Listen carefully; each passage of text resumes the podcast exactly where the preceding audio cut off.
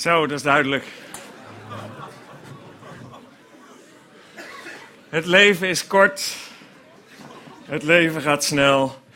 Het was een reclame van, een, uh, van heel wat jaren geleden van Xbox. Uh, die vonden dat je vooral heel veel tijd moest besteden aan uh, spelletjes spelen, omdat het leven snel voorbij gaat. Maar goed, wij dachten we gaan het gebruiken voor deze dienst waar we nadenken over de volgende stap en over het feit dat het leven inderdaad snel gaat. Uh, vandaag een beetje andere dienst dan anders. Het is een beetje, je zou, gezegd, zou kunnen zeggen, een soort van ingelaste uitzending. Uh, maar wel heel belangrijk. want we gaan nadenken over een volgende stap. we gaan nadenken over waar sta je op dit moment. waar zou je willen zijn over een poos en, en wat is verstandig om, om te doen. je zou kunnen zeggen, het is een soort start van een campagne vandaag. Um, die heet Mijn volgende stap is. En ik hoop dat jullie allemaal daar wat voor gaan invullen. Een campagne is een woord met uh, veel betekenissen, maar één daarvan is dat het een uitgebreide actie is om aan te prijzen of af te keuren. Nou, vandaag gaan we logisch voor het eerste. We willen een campagne starten die hopelijk jaren zal duren. Die uh, heeft ook een lange voorbereidingstijd gehad. Dus, uh, we zijn ruim een half jaar bezig geweest en het meeste daarvan gebeurt op de achtergrond. Heeft te maken met wat er allemaal voorbereid is op de internetsite en ondersteuning en noem allemaal maar op. Maar het is echt een lange voorbereiding geweest om tot deze campagne te komen. En uh, daarom hopen we ook dat het lang duurt. En we gaan vandaag iets aanprijzen, iets stimuleren.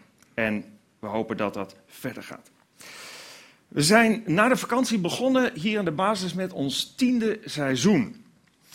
We zijn in september 2004 gestart met uh, 44 volwassenen en ongeveer 28 kinderen en tieners. Die een jaar lang nadachten over um, op welke manier kunnen we kerk zijn voor mensen die niet gewend zijn om naar een kerk te komen. Dat is eigenlijk waar deze diensten voor zijn. En we zijn het avontuur begonnen in het tuincafé in Beekbergen. Dat was veel minder café en heel veel tuin. Um, het, het, ziet er heel groot uit, maar het was eigenlijk een kleine ruimte die we in dit gebouw hadden, waar we iedere zondagochtend en iedere woensdagavond met die kleine groep bij elkaar kwamen om na te denken uh, over die visie. Um, we zijn na het tuincafé verhuisd uh, naar, uh, Vision, of naar de Velua. Uh, sommigen weten dat uh, misschien nog, aan de Egelaan, nummer 15. Het gebouw van de Velua, waar wij uh, vijf jaar lang diensten hebben gehouden. Toen zijn we verhuisd naar het Vision Park. hier pijl naar het gebouw, wat inmiddels niet meer staat, wat afgebroken is inmiddels. En toen we daarin kwamen, wisten we ook dat dat te gebeuren stond. We hadden gehoopt dat het nog iets langer zou duren, maar we hebben hier toch drie jaar uiteindelijk met elkaar gezeten. En nu zitten we hier aan de Landdroslaan. Klein Dallas noemden ze dit uh, gebouw in Apeldoorn uh, vroeger, uh, omdat het een beetje zo'n Dallas-achtige uitstraling heeft, maar dan inderdaad heel klein. Um, en we zijn onderweg naar de. Kaaiersdijk nummer 31, waar we het komende jaar in 2015 hopen neer te strijken. En um, daar gebeurt nog weinig op het terrein, maar niet minder op de achtergrond Voorbereidingen zijn in volle gang en uh, we hopen dat we daar ook snel uh, daadwerkelijk op de plek zelf beweging gaan zien. Inmiddels zijn we met een kleine 400 basisten, mensen die zich daadwerkelijk in de basis hebben ingevoegd, onderdeel zijn geworden van deze gemeente. En dat zijn dan volwassenen, kinderen en de tieners bij elkaar. We zijn ook gegroeid van ongeveer 100 bezoekers, inclusief de kinderen, bij de eerste basisdienst. Uh, deze dienst, ik zei het al, op zondagochtend zijn we speciaal begonnen voor mensen die misschien niet gewend zijn in een kerk te komen, geïnteresseerd zijn, vragen hebben, is er, wat is er meer tussen hemel en aarde, misschien meegenomen zijn, misschien ben je hier zelf ook zo terechtgekomen. Ik wil niet zeggen dat hier niet heel veel gelovigen zitten, en dat is ook prima, hartelijk welkom, is ook eh, meer dan voldoende te leren. Maar primair zijn we in deze diensten altijd gericht op mensen die zoekend zijn. Nou, die diensten zijn we gestart een jaar nadat we met dat voorbereidingsjaar zijn begonnen. Op 18 september 2005 zijn we daarmee gestart. En toen waren daar de eerste diensten zo rond de 100 bezoekers met de kinderen erbij. Nu uh, zijn er iedere zondag zo'n 850 bezoekers, inclusief de kinderen. En we zijn dus in de loop van de jaren een heel stuk gegroeid. En we hopen in de komende jaren die groei nog verder te zien ontwikkelen. En daar zijn we natuurlijk ook in de voorbereiding met het nieuwe gebouw druk mee bezig. Ja, als je hier bent en je bent uh, uh, een ouder van een van de kinderen die naar de Rainbow Kids gaan, dus je brengt je kinderen op zondagochtend naar de Rainbow Kids, dan weet je dat we de kinderen registreren. We houden de namen bij, wanneer ze er zijn, maar ook een heleboel dingen omheen als allergieën en dingen waar we rekening mee moeten houden.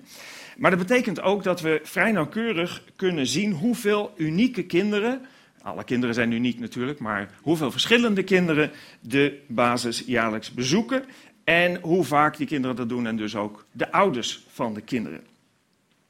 Je ziet hier een uh, grafiek uh, waarin we dat hebben neergezet. Het afgelopen seizoen, uh, dus seizoen 2013-2014, kwamen er wekelijks 125 kinderen. Iedere zondag weer zo rond dat aantal. Allemaal basisschoolleeftijd, hè? dus de kleinsten tot en met een jaar of twaalf. Een kleine 200 kinderen die kwamen heel regelmatig, meer dan tien keer. Nou, je ziet dat uh, helemaal rechts zie je het totaal aantal kinderen. Daar ik straks nog iets over het kolommetje daarvoor, wat er bijna niet te zien is.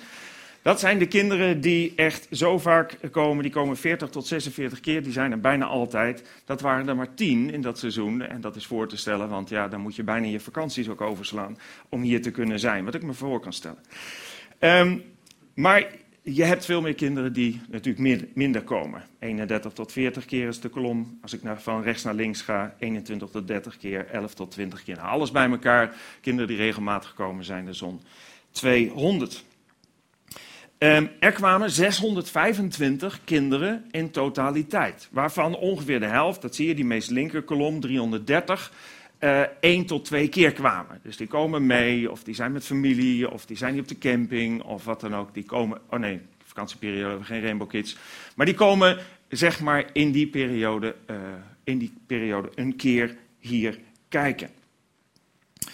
We kunnen die cijfers ook toepassen, extrapoleren heet dat, op uh, het aantal bezoekers die er komen in de basisdiensten. En dan moet natuurlijk een beetje rekening houden met de samenstelling van de groep. Er zijn mensen die hier komen die geen kinderen hebben, nog geen kinderen hebben. Zijn er die meerdere kinderen hebben. Nou, eh, statistiek is nooit mijn hobby geweest, maar er zijn mensen die dat heel leuk vinden.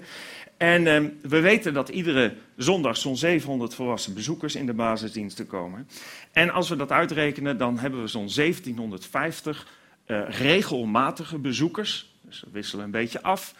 Uh, zo'n 1750 regelmatige bezoekers en zo'n 3000 unieke bezoekers per jaar in de basisdiensten. Nou, we zijn ontzettend dankbaar natuurlijk dat zoveel mensen de diensten bezoeken. En niet alleen bezoeken veel mensen de diensten, maar er zijn er nog veel meer dan degenen die hier de diensten bezoeken, die de diensten volgen via internet. Die groep is nog veel groter uh, door het hele land. En we krijgen daar ook uh, regelmatig reacties uh, van. En dat is ontzettend gaaf om te zien hoeveel mensen de weg op die manier eigenlijk ook naar de basis vinden. ik zei het al, deze diensten zijn gericht op het verkondigen van het evangelie. En je weet het als je hier langer komt. We hebben altijd thema's die uit het leven gegrepen zijn. We proberen vanuit die thema's een link heel duidelijk te leggen naar wat heeft de Bijbel over dit thema te zeggen, wat ons allemaal in ons leven raakt. En daarbij zit natuurlijk en komt natuurlijk ook altijd de evangelie, eh, de blijde boodschap naar voren. Dat is althans zeker de bedoeling. De bezoekers van de basisdiensten, eh, zoals jullie allemaal, we zijn een hele diverse groep. Er komen mensen hier uit iedere sociale klasse, uit alle leeftijdsgroepen. Gelovig en ongelovig, arm en rijk en ga zo maar door. Daar zijn we ook ontzettend blij mee. Dat er zo'n brede groep verschillende mensen hier zich thuis voelen in de diensten en hier een stukje groei kunnen doormaken. De missie die we als basis hebben, het verlangen of de droom zou je kunnen zeggen, is het volgende. We willen als kerk mensen bereiken met het evangelie en hen aanmoedigen en helpen toegewijde volgelingen van Christus te worden. Dat is niet omdat we ergens aandelen hebben, dat is niet omdat we daar rijk van worden, dat is omdat we zelf rijk zijn geworden door dat te leren, door een relatie te hebben met de Heer Jezus. En die rijkdom willen we heel graag delen. Het heeft in ons leven zo ontzettend veel betekend. Dat gun je iedereen. En daar is deze droom en het verlangen ook uit voortgekomen. Dat hetgene wat God op je hart legt. Dus we willen mensen, willen als kerk mensen bereiken met het evangelie. En hen aanmoedigen en helpen toegewijde volgelingen van Christus te worden. En ook in deze dienst, die volgende stap, zit een stuk aanmoediging. De basisdiensten, zoals deze, die dienen eigenlijk als eerste opstap naar het verwezenlijken van die missie. Het is de eerste stap daar naartoe. Maar er is meer nodig om die missie helemaal, ehm, zeg maar, handen en voeten te geven. Om dat, om dat verder te zien ontwikkelen. Wat we graag zouden willen is dat iedereen die de basisdiensten bezoekt, bereid is om ook een volgende stap te zetten. Nogmaals, ontzettend blij dat je hier bent. En zoals Jurien net al zei, je, er is niks verplicht. Maar we zien hoe ongelooflijk veel zegen eruit voortkomt wanneer je bereid bent om een volgende stap te zetten. En dat willen we dan ook heel graag. En we hebben een aantal van die groeistappen in de afgelopen maanden voorbereid. Erover nagedacht, wat zou deze hele brede groep, en voor iedereen is dat individueel anders, kunnen helpen in zijn of haar groei naar het geloof toe, of misschien zijn of haar groei in het geloof. En iedere stap die we hebben voorbereid, daar ben ik van overtuigd, als het bij je past, zal een positief effect hebben uh, op het nog beter uh, leren kennen van de Heer Jezus of op het leren kennen van de inhoud van het evangelie. En zal je helpen om een toegewijde volgeling te worden. Hoe dan ook, en het zal je leven positief beïnvloeden en verrijken. Koning Salomo die heeft een groot gedeelte van zijn leven gezocht naar wat een mens echt gelukkig maakt. Uh, wat het doel is van het leven hier en nu. En, en hij heeft dat echt heel praktisch toegepast, is daar heel praktisch mee aan de slag gegaan. En in de Bijbel kunnen we lezen over die zoektocht die hij heeft gemaakt. En die ups en downs die hij daarin heeft meegemaakt. En die zoektocht komt er, nou, heel kort samengevat, je zou het hele boek Prediker kunnen lezen, maar heel kort samengevat komt het hierop neer. Het begon voor hem met het vergaren van veel geld. En al snel ontdekte hij dat dat niet de gewenste, uh, uh, het gewenste doel gaf. Gewenste voldoening gaf. En dat zag hij ook aan mensen om hem heen. Vervolgens zocht hij het in macht. Want kijk, we zijn allemaal op zoek om gelukkig te worden. En we zoeken dat ook veel verschillende terreinen. En zo heeft hij dat ook als voorbeeld gedaan. Hij zocht het in veel macht, maar ook daarin vond hij niet de gewenste bevrediging. Daarna zocht hij het in genot of in roem, of in goede naam. Maar ook dat zonder de voldoening waar hij op hoopte. En niet alleen in zijn eigen leven, maar ook wat hij om zich heen zag gebeuren. En aan het einde van al zijn pogingen uitte hij de beroemde woorden: Alles is leegte. Het is niet meer dan lucht en najagen van wind. Als je dat boek Prediker leest, dan denk je: Oh, wat een depressieve meneer die hier bezig is. Maar hij was echt heel erg op zoek naar zit het echt niet in een van al die andere dingen. Geeft dat je echt niet de bevrediging waar je naar op zoek bent. Nou, hij vond in al die dingen dus niet een doel van zijn bestaan. En uiteindelijk kwam hij aan het eind van het boek Prediker tot deze conclusie. Na alles wat hier gezegd is, zegt hij, valt er alleen nog dit te zeggen. Heb ontzag voor God en onderhoudt zijn geboden, zijn kaders, zijn leefregels die hij vanuit liefde aan ons heeft gegeven. Daar komt het voor de mens op aan. Dus de samenvatting, dit is mijn ontdekking na alles te hebben geprobeerd in het leven. Dit is hetgene wat me voldoening, wat me hoop, wat me doel, wat me vrede, wat me rust, wat me onvoorwaardelijke liefde geeft. En daar was ik nou juist zo naar op zoek.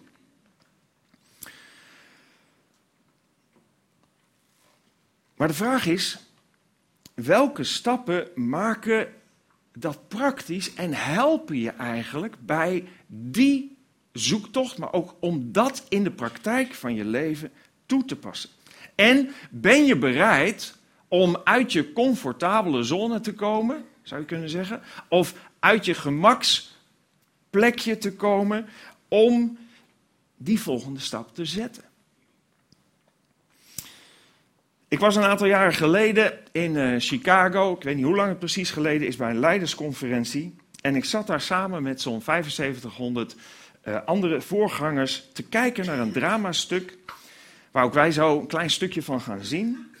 Waar een Bijbelverhaal op een hele humoristische manier vanuit de belevingswereld van twee discipelen, Petrus en Andreas, voormalig vissers, werd belicht. En ik had ontzettend graag het hele gedeelte laten zien, maar het was gewoon te lang. Maar met name het eerste gedeelte is ontzettend knap en lachwekkend ook gespeeld vanuit die belevingswereld. Um, maar we gaan kijken naar een gedeelte wat gaat over het verhaal van Jezus die loopt over het water. En ook nu even belicht vanuit de discipelen hoe zij dat hebben beleefd. En dan alleen vanuit deze twee personen, Petrus en Andreas. Laten we daar eerst maar even naar kijken. You want us to get back in the boat? Uh, are you gonna, you gonna come with us? You'll catch up.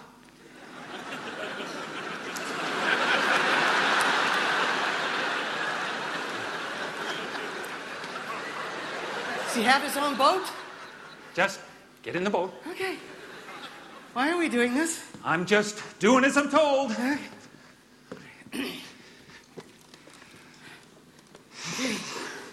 Getting in the boat and going out into the water. Oh. Oh, look up ahead. What? What? We're heading right into a storm. Oh, that doesn't look good, does it? No, it doesn't. I think we should turn around and go back. I'm just doing what he what he told me. You know, he, he says get in the boat, I get in the boat. He says pick up the bread, I pick up the bread. He says row, I just row. Okay, so row. We're rowing. I can't believe this. I'm gonna go out on the lake. We're gonna die on the lake. No, it's fine. We lived on the lake. We'll die on the lake. It's like a circle of life thing. Andrew, Just. Row really fast. Row really fast. Andrew, What? that's Jesus out there. Oh. Ah!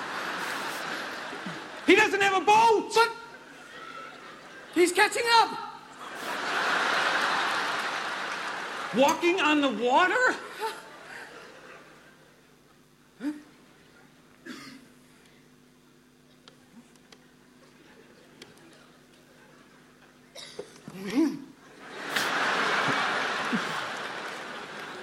Oh, no, no, no, no, no.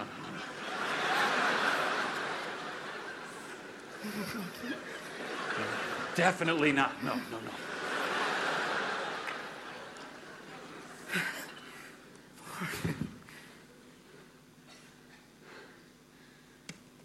Okay, Lord. You stay there. Peter, you're not seriously thinking of going. Peter, you can't swim.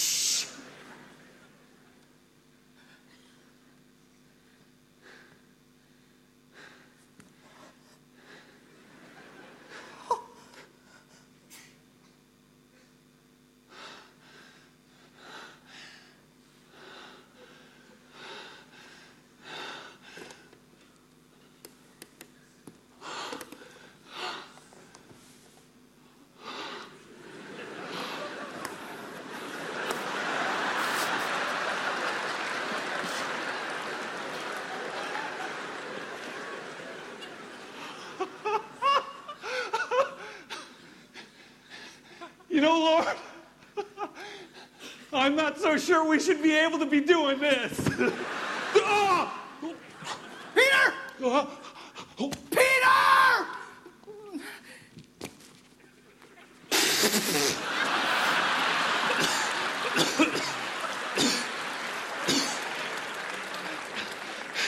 Thanks, Lord. Maybe we should just get back in the boat. Yeah. Huh?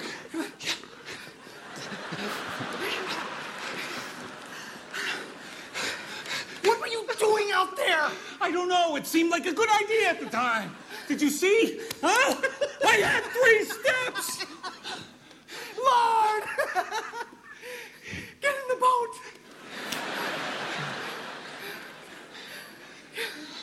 You know, you. You really scared us. How did you do that?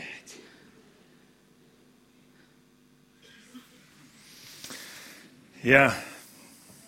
Nou, misschien uh, laten we het andere gedeelte ook nog een keer zien. Dat ging over de, de wonderbare spijziging. De vele mensen, duizend mensen die bij elkaar waren. En die gevoed werden met een paar broden en een paar vissen. Nou, en dat is nog veel humoristischer dan dit stuk. Maar uh, dat komt nog een keer. Dat komt nog een keer. Um, dit uh, verhaal, wat we zagen op deze manier gespeeld, dat staat in het Bijbelboek dat geschreven is door Matthäus, ook een van de discipelen, een van de leerlingen van Jezus. En ik lees even het verhaal zoals hij het heeft beschreven. Daar staat, Jezus zei, uh, zei zijn leerlingen dat ze in de boot moesten stappen om alvast naar de overkant te varen. Hij zou intussen de mensen naar huis sturen, dat waren die mensen die allemaal daar die maaltijd hadden gehad. Toen hij dat gedaan had, ging hij de berg op om er te bidden zonder dat er anderen bij waren. De avond viel en hij was daar alleen. De boot had zich al honderden meters van de kust verwijderd. De golven beukten het schip, want de wind was tegen. In de nanacht kwam hij naar de leerlingen toe, lopend over het water.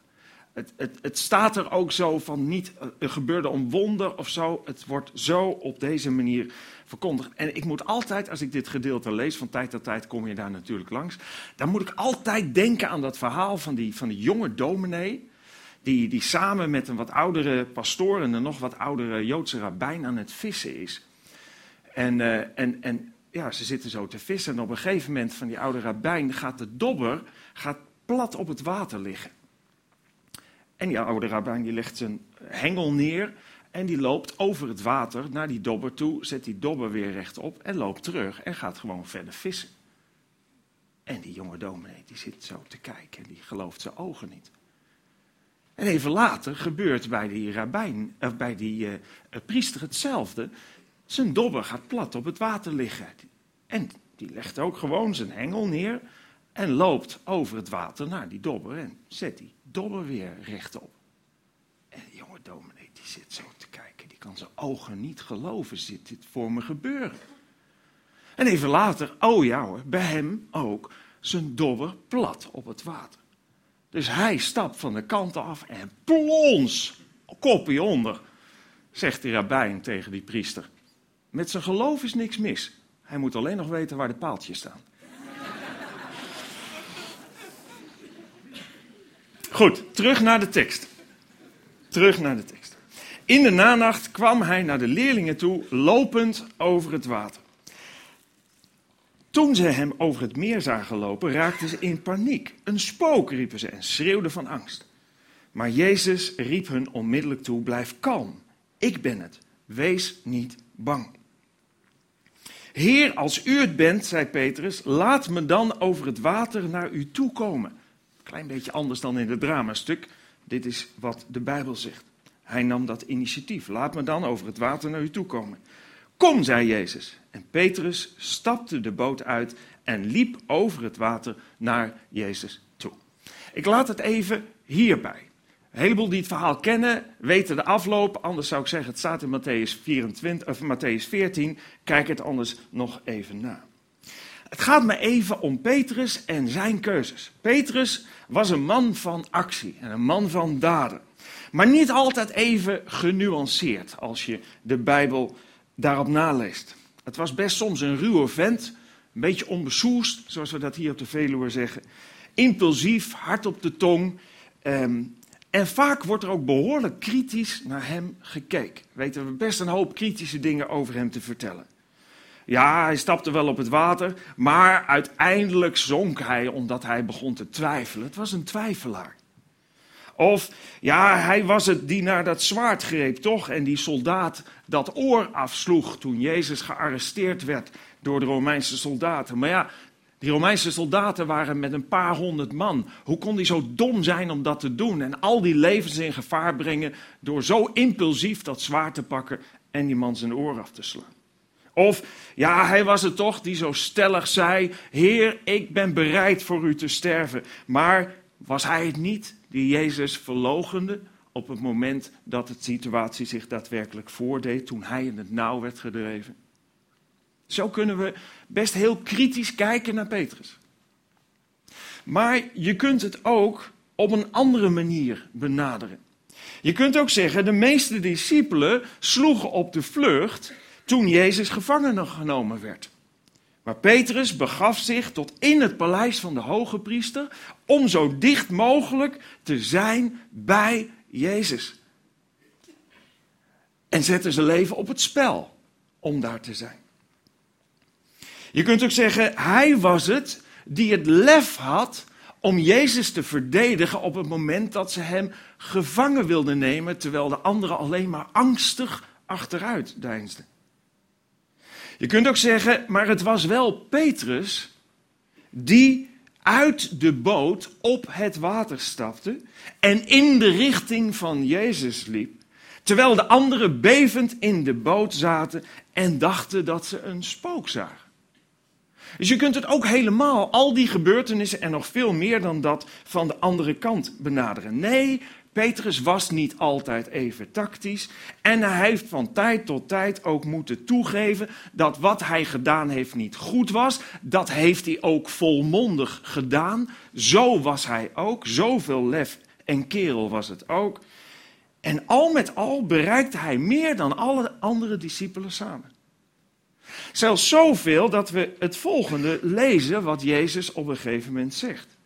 Hij zegt tegen Petrus: Ik zeg je dit. Jij bent Petrus, de rots. En op die rots zal ik mijn gemeente bouwen. Mijn kerk, die vanaf dat moment begon te ontstaan, mijn kerk bouwen. En de macht van de dodenrijk zal het tegen haar moeten afleggen. En ik zal je sleutels geven van het hemels koninkrijk. Wat je op aarde verbiedt, zal ook in de hemel verboden zijn. En wat je op de aarde toestaat, zal ook voor de hemel toegestaan zijn. Petrus werd het fundament van de kerk. En waarom? Onder andere omdat hij uit de boot durfde te stappen. Hij durfde zijn voet op het water te zetten. Hij stond op en hij kwam tot actie en was niet bang om dat te doen. En omdat hij dat durfde, groeide hij, ja, met vallen en opstaan, klopt. Maar hij maakte een groei door die hem uiteindelijk bracht en maakte tot het fundament van de kerk. Ik weet zeker, zoals we hier zitten, iedereen wil groeien. Iedereen die op zoek is, wil ontdekkingen doen. Iedereen die ontdekkingen heeft gedaan, wil meer leren, ook in het geloof. Petrus wilde groeien, dat wilden de andere discipelen ook, maar je groeit niet als je blijft afwachten. Stilstand, dat kennen we allemaal, is. Stilstand is achteruitgang. Je groeit niet als je niet uit je comfortabele zone durft te stappen. Als je geen volgende stap zet. Als je niet gehoorzaam wil zijn. Als er een vraag naar je toe komt. Dat geldt voor ons allemaal, ook als het gaat om het ontdekken van het geloof of het groeien en verdiepen in geloof. Stap uit de boot. Doe een volgende stap. Daar zul je nooit spijt van hebben. Ik zei al, we hebben lang nagedacht over welke stappen ertoe um, zouden kunnen bijdragen om daadwerkelijk te groeien. En ik wil vragen of er zijn een aantal mensen hier om heel even snel flyers uit te delen. Uh, want daar staan die groeistappen op en kunnen we even meekijken. Jullie krijgen die, geef ze even door, door de rijen heen. En dan lopen we even snel met elkaar door die zes stappen die we hebben opgeschreven heen. En ik hoop dat je daar iets bij ontdekt wat bij jezelf hoort. Pennen zijn erbij, dat is voor straks.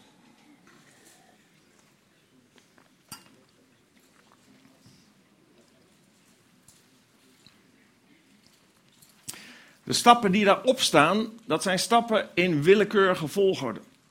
Dus helemaal niet van daar moet je beginnen en daar moet je eindigen. Uh, er zijn stappen bij misschien die je al gezet hebt. Er zijn stappen bij die je nog zou kunnen zetten.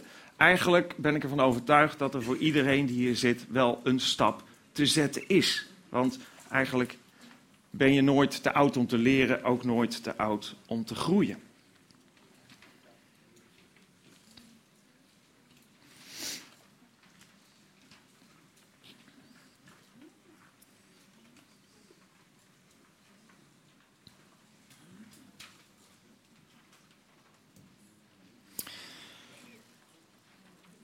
Nou, jullie krijgen zo langzamerhand uh, de folders allemaal aangereikt, of de flyers. Ik begin bij, omdat het willekeurig is, ook zo ergens in het rijtje. Ik begin bij ontdekken. Ontdekken. En daar staat in deze flyer het volgende bij. Je onderzoekt wat het christelijk geloof inhoudt. Punt. Je onderzoekt wat het christelijk geloof inhoudt. In de cursus op zoek naar God worden de grondbeginselen uitgelegd. Nou, we hebben een heel aantal weken, ook in de vakantieperiode, al reclame gemaakt voor deze cursus. De cursus op zoek naar God is een cursus voor mensen die niet gelovig zijn, maar wel geïnteresseerd zijn in wat houdt het geloof nu in, wat betekent het, wat betekenen thema's als de Bijbel, waar komt het vandaan, hoe is het ontstaan, wie is God, wie is Jezus. Ik hoor wel eens over de Heilige Geest, maar wat betekent dat? Een heleboel, zeg maar, fundamenten. Daar wordt in die cursus op zoek naar God bij stilgestaan en er worden dingen over uitgelegd. Helaas konden we uh, niet later starten met de cursus dan dat we deze aftrap zouden hebben. Dat had te maken met vakanties en zo, en anders komt de cursus niet uit die een heel seizoen loopt. Er zijn twee cursusavonden gegeven. Maar voor mensen die deze ontdekkingstocht willen gaan doen, is er een mogelijkheid om ook nog bij de derde avond, en dan heb je nog een heel seizoen voor je als je die wil volgen, om bij de derde avond in te stromen. Maar dat vraagt dan wel even direct actie. Na afloop van de eerste en de tweede dienst, maar voor nu is het belangrijk, na afloop van de dienst, eh, dan kun je even je melden als je dit zou willen, als je die ontdekkingstocht zou willen doen. Kun je melden bij Wietse de Vries. Waar is Wietse? Wietse, daar staat hij.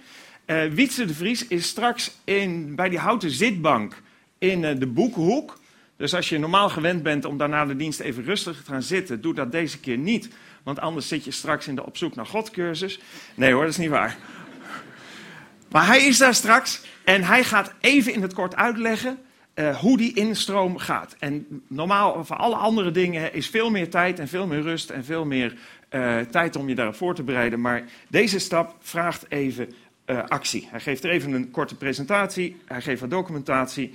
En na afloop kun je Wietse ook bekendmaken, duidelijk maken van ik zou dat graag willen volgen. En dan begint die ontdekkingstocht al vrij snel.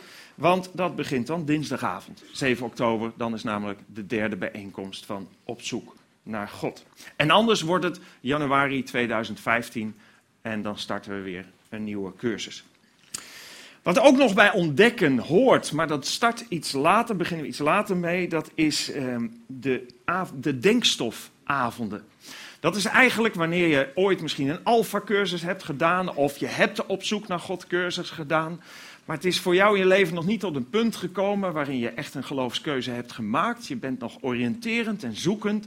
Dan zijn er deze avonden, denkstofavonden, um, die niet een begin of een einde hebben in de zin van het is een afgebakende cursus, maar die een hele periode door het seizoen doorgaan en waar je ook op elk moment kunt instromen. Dat is ontdekken. Eerste stap. Niet de eerste stap, de eerste stap waar ik wat over zeg. Dopen staat erop. Dopen, zo staat er op de flyer, is een uiterlijk teken van, een, van je innerlijke keuze. Dus iets wat je zelf hebt besloten, wat je zichtbaar maakt naar buiten. In de basis bieden we je de gelegenheid om je te laten dopen. De volwassen doop is een stap die, zo staat het als opdracht in de Bijbel, volgt op je bekering. Zo lezen we dat althans. Eh, die volgt op het moment dat je er dus voor kiest om de Heer Jezus in je leven te willen volgen en gehoorzamen. Het offer wat Hij heeft gebracht voor onze zonde te willen aanvaarden. En we lezen erover in bijvoorbeeld het boek Handelingen, waar Petrus, eh, dezelfde Petrus waar we het net over hadden, met een hele groep mensen in gesprek is, eh, het meeste Joodse mensen, en uitlegt nadat Jezus uh, gestorven is, opgestaan en na de hemelvaart, na de uitstorting van de Heilige Geest, aan hen uitlegt wat er nou eigenlijk gaande is, wat er nou eigenlijk gebeurt. Hoe zij eigenlijk de boodschap van Jezus hebben gemist, hoe ze niet hebben gezien op dat moment dat Hij de beloofde verlosser was voor het volk en voor de wereld. En nadat hij dat uitgelegd heeft, lezen we, toen de mensen dit hoorden, voelden zij zich heel erg aangesproken en vroeg aan Petrus en de andere apostelen, vrienden, wat moeten wij doen? Petrus antwoordde, u moet zich bekeren, omkeren, dus niet langer bij God vandaan, maar in de richting van God gaan, zich bekeren tot God en u laten dopen in de naam van Jezus Christus. Want dan worden uw zonden vergeven. Dan komt ook de Heilige Geest in u wonen. Oftewel, dan komt die, die verbinding die tussen God en de mens bedoeld is, maar door de zonde kapot is gegaan, dan zal die verbinding opnieuw tot stand worden gebracht. En of je nu heel recent tot geloof bent gekomen, of je bent lang geleden tot geloof gekomen, maar je hebt nooit deze stap gezet om je als volwassene te laten dopen en op die manier ook dat, dat uh, instrument, datgene wat God heeft gegeven, om dat zichtbaar te maken, dat nooit hebt ondergaan, dan is er altijd die mogelijkheid om die stap alsnog te nemen.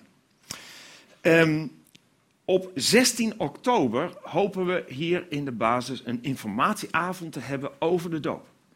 Dan gaan we een heleboel uitleggen over wat de doop inhoudt, wat het niet is, wat het wel is. En heb je ook de gelegenheid om alle mogelijke vragen die je hebt over de doop te stellen. Dus denk hierover na en behoor je tot die, tot die groep die korter geleden of langer geleden een keuze heeft gemaakt, maar nooit als volwassen is gedoopt, dan ben je van harte uitgenodigd om je hiervoor aan te melden. Um, en dat gaat ook middels diezelfde stap zetten waar ik straks nog iets over ga zeggen. De volgende is ontmoeten.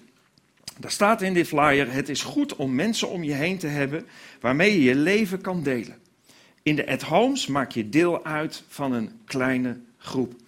Hier maak je deel uit van een grote groep en je zit in een rij, maar het liefste willen we dat iedereen zoveel mogelijk uit de rij ook in de kring komt, in de groep, in waar de oog is voor elkaar. Hier loop je snel het risico ook ja, tussen uh, wal en schip te raken, of dat mensen niet echt oog hebben, of dat je niet echt iets ook weer misschien heel direct voor een ander kan betekenen. En dat kan in een at-home. We hebben 33 at-home groepen. En als je je daarvoor aanmeldt, word je ook helemaal op de hoogte gesteld van hoe dat verder in zijn werk gaat. Vanwege de geringe omvang van de groep, 8 tot 12 mensen ongeveer, eh, de frequentie van samenkomen en de betrokkenheid op elkaars leven, is dit de plek om mensen echt te ontmoeten. Het is niet alleen maar ontmoeting, maar in die at -home, tijdens die at-home avonden uh, wordt er ook verder nagedacht over uh, veelal de woensdagdienst de basismeeting, de diensten die we hier op woensdagavond hebben voor gelovigen, daar wordt vaak in het home over verder gedacht en over verder gesproken. En natuurlijk zijn er nog veel meer andere onderdelen die daarbij horen, maar ook dat ga je ontdekken. Daarvan ga je meer zien als je je aanmeldt voor die stap. Um, voor het bijwonen van de basismeeting op woensdagavond, maar ook de at home, en dat, dat, dat, wijst, dat, dat is logisch misschien ook, eh, is het belangrijk dat je inderdaad ook die geloofstap al hebt gezet. En ook dat je de Bijbel als door God geïnspireerd en gezaghend, gezaghebbend aanvaardt voor je leven. Dat is eigenlijk zeg maar het fundament waarvan we starten op die woensdagavonden. Heel anders dan hier. Hier is iedereen welkom in alle situaties. Niet dat je daar niet welkom bent als mens, maar het is niet de plek om vanuit verder te groeien als je dat gedeelte daarvoor nog niet hebt gedaan. De volgende waar ik iets over wil zeggen is dienen. Er staat op de flyer, je groeit meer als je zelf meedoet dan, dat je, dan als je toekijkt. In de basis helpen we met zoeken naar een bediening die het beste bij jou past. Nou, je zou kunnen denken, ja, dat is mooi slim, en een hoop werk te doen en zo. En als je het nou in zo'n vat giet, dan gaan er een hoop mensen meehelpen. Nee, dat is echt niet waar. Um, God heeft ons niet nodig om zijn kerk te laten voortbestaan. En God heeft jou en mij niet nodig om de kerk voor te laten bestaan. En we hebben niemand nodig om de basis te laten voorbestaan. Zeg ja, maar als er niemand meer daarbij betrokken is, dan gebeurt er ook niks. Nee, dat klopt. En natuurlijk is dat ook belangrijk. Maar het allerbelangrijkste is, en daarom hebben we het ook als onderdeel van deze groeistappen. Het allerbelangrijkste is dat wanneer je gaat dienen, wanneer je dus een taak en verantwoordelijkheid opneemt die echt bij je past, dan gaat je dat ook groei opleveren. Geestelijke groei, betrokkenheid. Je kunt, je kunt jaren van allerlei preken horen over van allerlei onderwerpen. Neem bijvoorbeeld geestelijke strijd, als je ooit misschien wel eens iets van hebt gehoord. Je gaat het pas ervaren als je onderdeel uitmaakt, actief betrokken bent, dienend bent met jouw gaven en talenten binnen de lokale kerk. Zo zien we dat in de Bijbel voorbij komen. Dienen levert je meer op dan dat het je kost. Dat is echt waar. Er zijn, zijn, zijn meer dan voldoende mensen hier in de basis die dat kunnen beamen. En als het je niet meer oplevert dan dat het je kost, dan ben je niet dat aan het doen wat echt bij je past. Dan is het een last. En mensen hebben lang gedacht dat dienen in de kerk een soort van zelfkastijding moest zijn. Dat moest vooral heel erg veel pijn doen. Niks is minder waar. Dienen doe je met die gaven en talenten die God je heeft gegeven, zodat je het met plezier kunt doen. En hoe moeilijk het soms ook best kan zijn, dat je onderaan de streep zoiets hebt van: yes, hier ben ik van gegroeid. Dit geeft me voldoening. Dit is gaaf. Dus dienen levert je meer op dan dat het kost. Er staan een heel aantal mensen, tien mensen zijn daar ja, op voorbereid in de afgelopen periode, staan voor je klaar om met jou in gesprek te gaan als je hierover aanmeldt, om uh, die zoektocht met je te maken. Wat is nou hetgene wat we hier in de basis hebben? Wat past het beste bij je? En daar staat ook heel veel van op de site, wat je gaat ontdekken als je je daarvoor aanmeldt. Meer dan 100 taken staan vrij uitgebreid omschreven ook. Dus als je denkt dat hier, uh, we hier alleen uh, het welkom aan de deur hebben en een kop koffie zetten. Nee, het is omvangrijker. Er zijn meer dan 100 taken die omschreven zijn en die op dit moment ook worden gedaan of waar nog mensen bij kunnen helpen. Dienen zorgt altijd voor geloofsgroei. Dat is onze ervaring. Delen. Delen, staat er op de flyer, is geven wat je is toevertrouwd. Delen is geven wat je is toevertrouwd. Dus delen met anderen. Door te delen maak je groei mogelijk voor anderen, maar ook voor jezelf. Dat is ook weer zo typisch. Hoe kun je nou groeien? Hoe kun je nou groeien van dat wat je weggeeft? Dat heb je dan toch niet meer? Dan kun je toch beter zelf uitgeven? Dan heb je er tenminste nog plezier van. Nee, dat is dus precies niet waar. Jezus die zei op een gegeven moment, uh, of uh, ik moet zeggen, zijn woorden werden geciteerd in handelingen.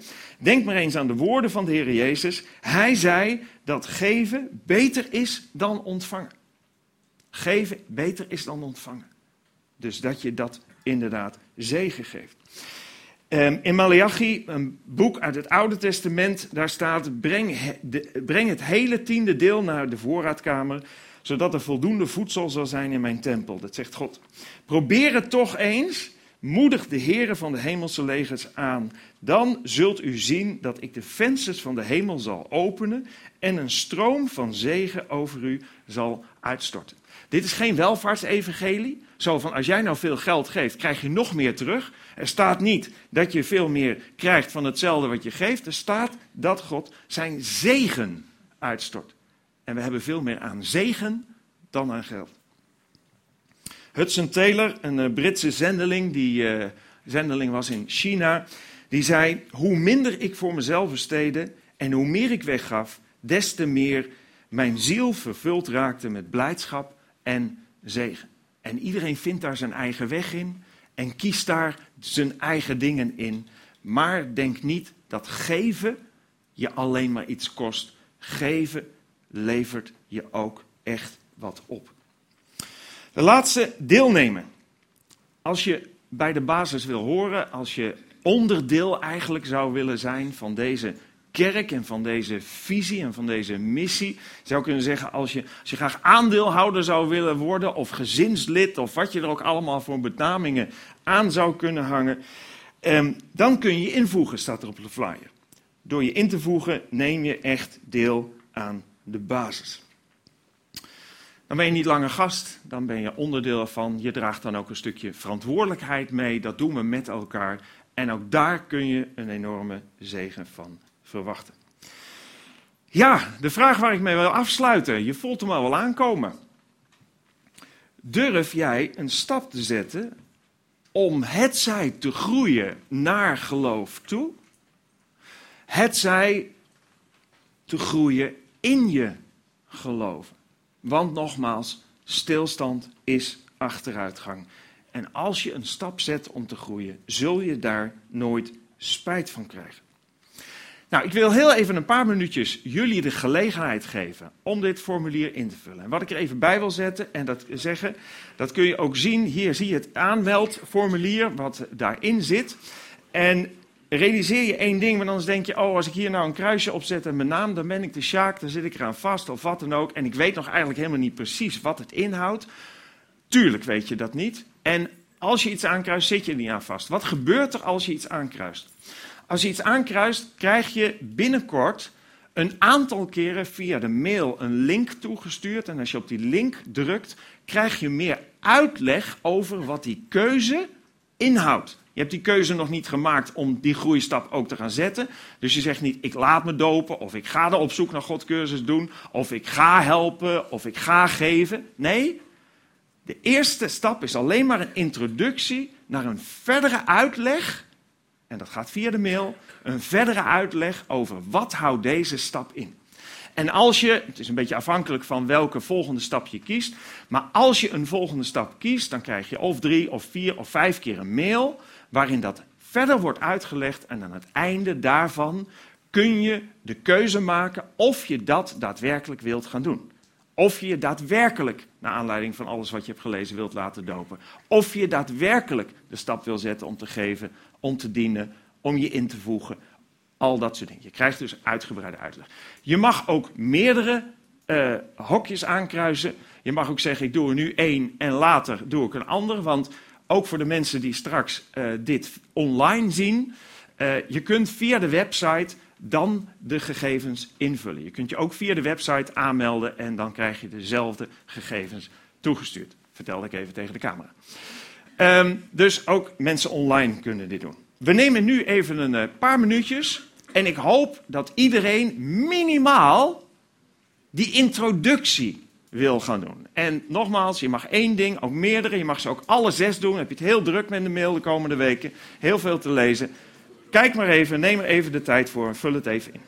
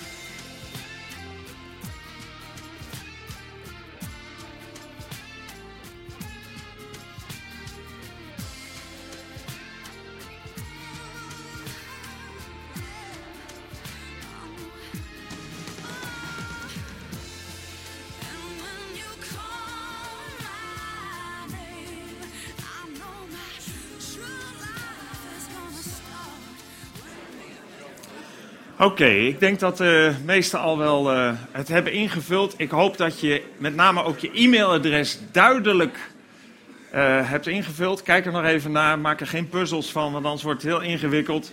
Laat een underscore ook echt een underscore zijn. En een koppeltekentje echt een koppelteken als het erin zit. En ehm, nou, we gaan alle gegevens verzamelen en in, eh, of de, in het systeem zetten. En dan zul je dus zo snel mogelijk dat krijgen. De bedoeling is dat je straks bij de uitgang staan die twee zuilen. Er staan ook nog wat mensen eh, van het eh, welkomteam daar. En die hebben bakjes, daar mag je ze ook eh, in doen. En dan gaan we er mee aan de slag. Fijn dat jullie het in ieder geval willen overwegen. En nogmaals, ik heb het al een paar keer gezegd. Je zult er absoluut geen spijt van krijgen. Iedere stap die je zet en die groei bewerkt, geeft je ook een stuk zegen en voldoening. Ik wil heel graag eh, afsluiten met gebed en eh, hier ook voor bidden. Dank u wel, Heere God, dat, eh, ja, dat we deze dienst zo mochten hebben. Dat we zoveel voorbeelden ook zien, Heer, van mensen in de Bijbel die, ja, die stappen durfden te zetten. En die daar zo de zegen van hebben gezien. Heer, soms is het best lastig. Is het, ja, is, ja, wat gaat er gebeuren? Heer, eh, is het onbekend terrein? Is het misschien hier en daar iets buiten onze comfortabele zone?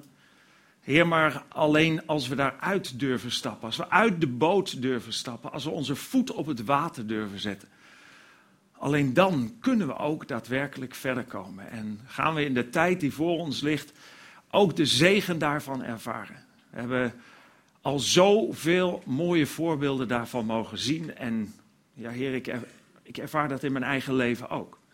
Iedere keer wanneer je keuzes maakt die, die ons dichter brengen bij U, dan brengt dat zegen met zich mee. Heer, en hoe apart het misschien ook lijkt dat geven en dienen en, en al dat soort stappen daar een onderdeel van uitmaken. Heer, het is de ervaring die we hebben opgedaan. Het is ook, ook wat we in uw woord zien, dat u ons aanmoedigt om onze hand te laten doen wat er ook te doen is. Om eh, ja, geen dingen te willen doen die we eigenlijk niet aankunnen, maar aan de andere kant ook dat wat u aan gaven en talenten heeft gegeven, te mogen inzetten. Heer, dank u wel dat, eh, dat we deze stap mogen zetten, dat ook eh, we dat kunnen doen in de basis. En we willen u bidden, Heer, voor alle mensen die een keuze hebben gemaakt om dat te doen. Dat alles wat ze zien in, eh, in de berichten die ze krijgen op internet via de mail, ja, dat het ook duidelijk zal zijn en dat het uiteindelijk ook mag leiden tot een definitief volgende stap. Heer, ik wil uw zegen daarover bidden. We hebben een heleboel gedaan in de voorbereidingen. Eh, we zijn er lang mee bezig geweest. Heer, maar zo als het ook in de natuur gaat. Heer, eh, we kunnen een stuk grond omploegen. We kunnen de stenen eruit halen. We kunnen het goede zaad gebruiken. We kunnen het begieten. We kunnen het onkruid wieden. Maar u alleen kunt de wasdom. U alleen kunt de groei geven. En ik wil u bidden of u met uw geest dat in ons wil uitwerken. Dank u wel. Amen. We gaan luisteren naar het laatste lied.